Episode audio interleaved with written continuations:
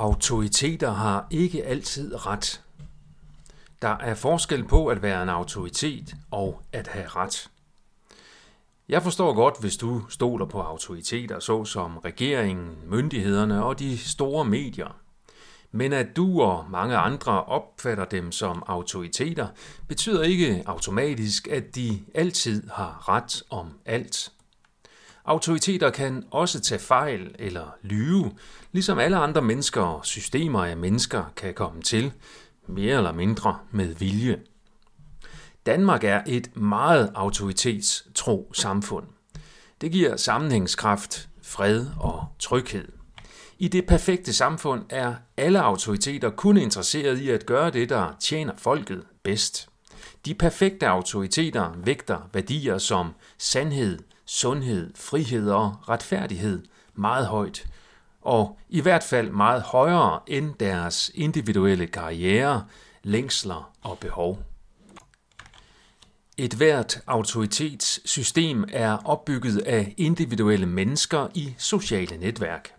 Det særlige ved mennesker er, at de er mennesker. Selv den største autoritetsperson er også kun et menneske med begær rettet mod fremtiden og frygt for, at lige i lasten kommer frem i lyset. Måske har autoritetspersoner ligefrem mere begær og flere lige i lasten, da det er begæret, der har drevet dem frem til den autoritetsposition, de har nu, og da et liv i begær ofte har utilsigtede skadevirkninger, hvis afsløring kan ødelægge omdømmet og dermed karrieren som autoritetsperson.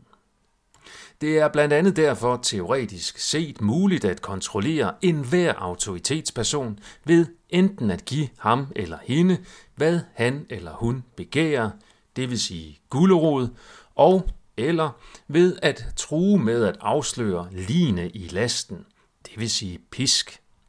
Begge dele kan til med være nogenlunde lovlige, og ved at kontrollere samtlige nøglepersoner i et autoritetstro samfundssystem, så er det teoretisk set muligt at få de individuelle autoriteter og det samlede system til at anbefale noget, der reelt skader folkesundheden, folkefriheden og eller folkeøkonomien.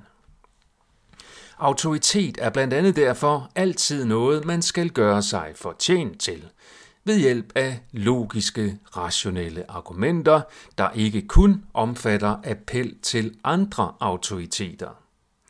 Hvis de bedste argumenter en autoritet kan komme med er, at en anden autoritet vurderer, at det er det rigtige at gøre, så kan det ende i et cirkulært, selvbekræftende autoritetssystem, der reelt er uden ordentlige beviser og argumenter for substansen. Blind autoritetstro kan på den måde føre til et forfærdeligt samfund, hvis autoriteterne er besat af andre interesser end folkets bedste. Den teoretiske mulighed for, at dybe magthavere kan kontrollere autoriteter fra kulissen, betyder, at det er en borgerpligt at udfordre autoriteterne ved at stille kritiske spørgsmål, og hvis der ikke kommer ordentlige svar, så er det sundeste måske at lade være med at adlyde. Men jeg forstår godt, hvis du ikke overgår at være kritisk om alt, hvad autoriteter siger. Det er jo heller ikke sikkert, at du har evnerne til at forstå det, som autoriteterne burde forstå. Det du og vi så til gengæld kan arbejde på sammen er at indrette samfundet, så der er andre personer og instanser, der er dedikeret til at være kritiske over for regeringen, pressen, myndighederne og andre autoriteter som en demokratisk modvægt. Ligesom amerikanerne har en grundlovssikret ret til at bære våben, så de kan forsvare sig mod korrupte autoriteter, så har vi danskere også en grundlovssikret ret til at ytre os frit, så vi derved kan forsvare os mod korrupte autoriteter. Lad os gøre mere brug af den ret, både i det store og i det små, inden det er for sent.